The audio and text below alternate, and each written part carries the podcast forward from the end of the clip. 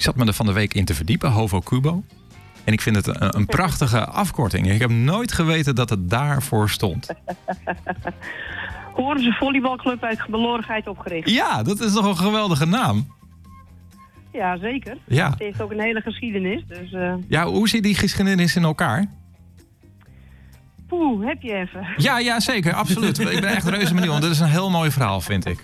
Dus brandlos. Nou, het, ja, ja, nou ja, goed. Um, uh, het verhaal begint al eigenlijk in, uh, in de jaren 60, in 1965 was er uh, de Omniclub HSV Sport, die we nog steeds kennen van het veldvoetbal.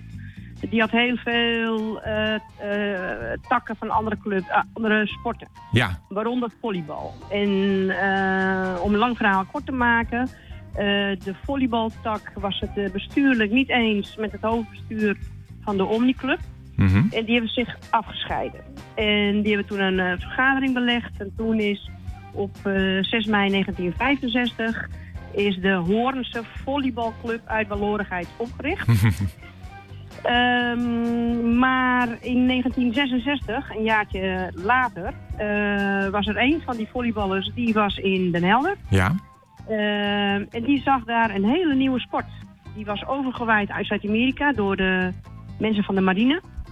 En die werden daar toen nog in loodsen ge gespeeld. Ja. En dat was zaalvoetbal.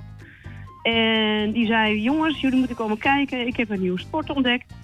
En eigenlijk een jaar later is er een soort doorstart gegaan onder dezelfde naam Hovo Cubo. En dan de Horense volleybalclub dus uit belorenheid opgericht. Ja. Maar we zijn gaan zaalvoetballen. Nou ja, Ja. dat is uh, het hele verhaal. En sindsdien uh, samen met uh, Skaga 66 en CEMAG zijn we nog steeds de oudst bestaande zaalvoetbalclubs in Nederland. Ja, dat is geweldig. Die historie die dus uh, in Horen uh, ligt, dat is wel heel mooi. En ja. zo zo ga, gaat het goed uh, met Hoven Kubo, hè?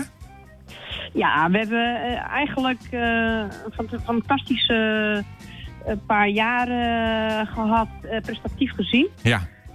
helaas is sinds 2019 dat wij het laatste kampioenschap hadden... Uh, is er daarna niet meer gestreden om de prijzen in verband met uh, nou ja, de bekende pandemie. Mm -hmm. uh, we stonden vlak voor de, voordat de eerste lockdown hadden we te maken met dat we ons geplaatst hadden voor de bekerfinale. Om die opnieuw te winnen. En die mocht niet meer gespeeld worden. Dus Ja. sindsdien is er geen landskampioen en geen bekerwinnaar meer. Ja, dus dat is uh, echt ontzettend jammer. Maar ondertussen hebben wij wel het een en ander mogen doen. Ja. En met name op internationaal gebied. En dat, uh, ja, daar hebben we het gewoon ontzettend goed Ja, gedaan. ja, dat wou ik zeggen, want wij- als Weef hebben daar ook eh, regelmatig over bericht. Het, het, zijn niet de minste dingen die ik daar altijd eh, voorbij zie komen. Nee, nee. Kan je daar een paar hoogtepunten van opnoemen? Ja, nou ja, kijk, eh, als je het eh, hebt over dit soort hoogtepunten is... eh, kijk, eh, de Eredivisie zaalvoetbal die valt sowieso onder de topsport via, van NOC-NSF. Ja. Dus wij mogen in principe doortrainen en wij mogen nog de topsportcompetitie spelen. Dus dat mag.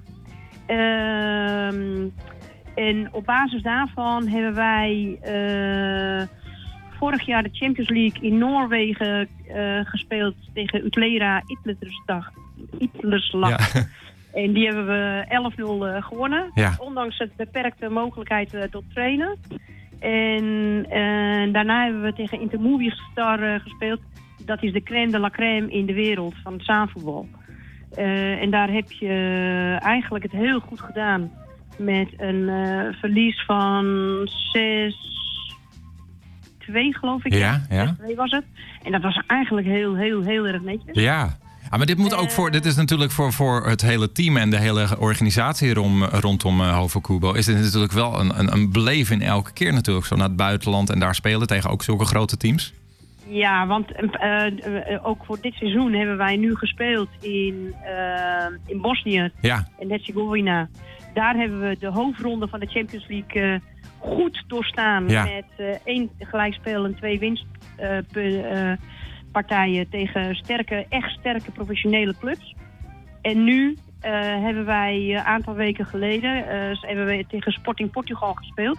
Sporting Club Portugal. mhm. Waar Ajax ook eh, nu eh, eh, tegen ge- gespeeld heeft. ja. En, maar dat is ook nu de regerend titelhouders van de Champions League. Ja. En Portugal is in zaalvoetbal nu de regerend wereld- en Europese kampioen. En ehm, ja, en daar hebben wij ook eh, onlangs tegen gespeeld. Helaas hebben we niet gewonnen. Eh, we speelden ook tegen de kampioen van eh, Rusland en de kampioen van Kroatië. Ja. Maar ja, je hebt het gewoon echt ontzettend goed gedaan met, ja, met jongens uit eigen, eigen grond. Ja, maar absoluut. Maar hoe moet ik dat nou precies zien? Want ik kan me voorstellen dat de- die grote buitenlandse teams... dat dat gewoon fulltime sporten zijn. Is, hoe zit het bij Hove Kubo? Zijn dat ook mensen die gewoon fulltime aan het sporten trainen zijn? Of zijn dat mensen die ook nog eh, daarnaast een eigen baan hebben? Volgens mij het laatste, hè? Eh, het is het laatste. Ja, dat dacht ik Eh, al, ja. De, de, de drie tegenstanders waar we nou tegen spelen, die zijn fullprof. Ja, nee, maar dat, is, dat geeft dus wel even aan inderdaad op, op welk niveau jullie spelen. Hoe hoog dat is gewoon. Ja, die trainen twee keer per dag. Ja, zo. Wij trainen twee keer per week. Ja, ja maar dat, dat, dat geeft toch eigenlijk wel eh, genoeg aan eigenlijk. Hoe, hoe, Ja. hoe goed jullie erin zitten. Ja, nee, het is. ehm, eh, maar de, de, de commitment van. eh, kijk, we hebben natuurlijk een goede spelersgroep. Hè? Ja. Dus we, hebben- we, hebben, we zijn eh, samen met eh, Eindhoven hoofdleverancier van Oranje. Ehm, dus we hebben gewoon echt een hele goede ploeg. Eh, daarnaast eh, eh, hebben we ook heel veel spelers met heel veel commitment. Die trainen ook voor zichzelf heel veel. Ja. Dagen dat ze niet bij de club trainen, dan gaan ze naar de sportschool of trainen bij een veldclub mee om conditioneel eh, zeg maar eh, aan zichzelf te werken. Dus Mhm.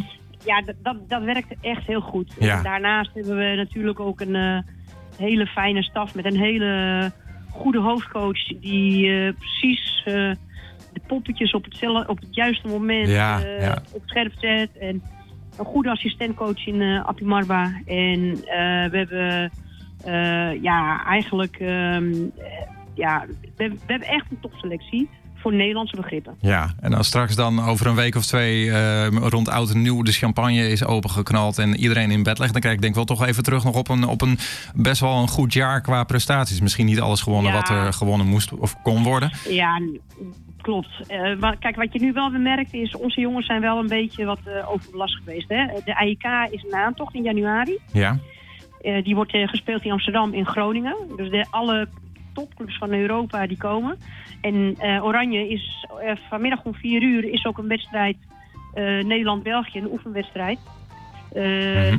Die gaat ook natuurlijk door onder het mom van de top eh support eh, competities eh, en in de voorbereiding van de EK. ja, En, ehm, eh, en, maar je merkt wel dat, dat de jongens die, die zijn dat niet gewend om zoveel met hun sport bezig te zijn.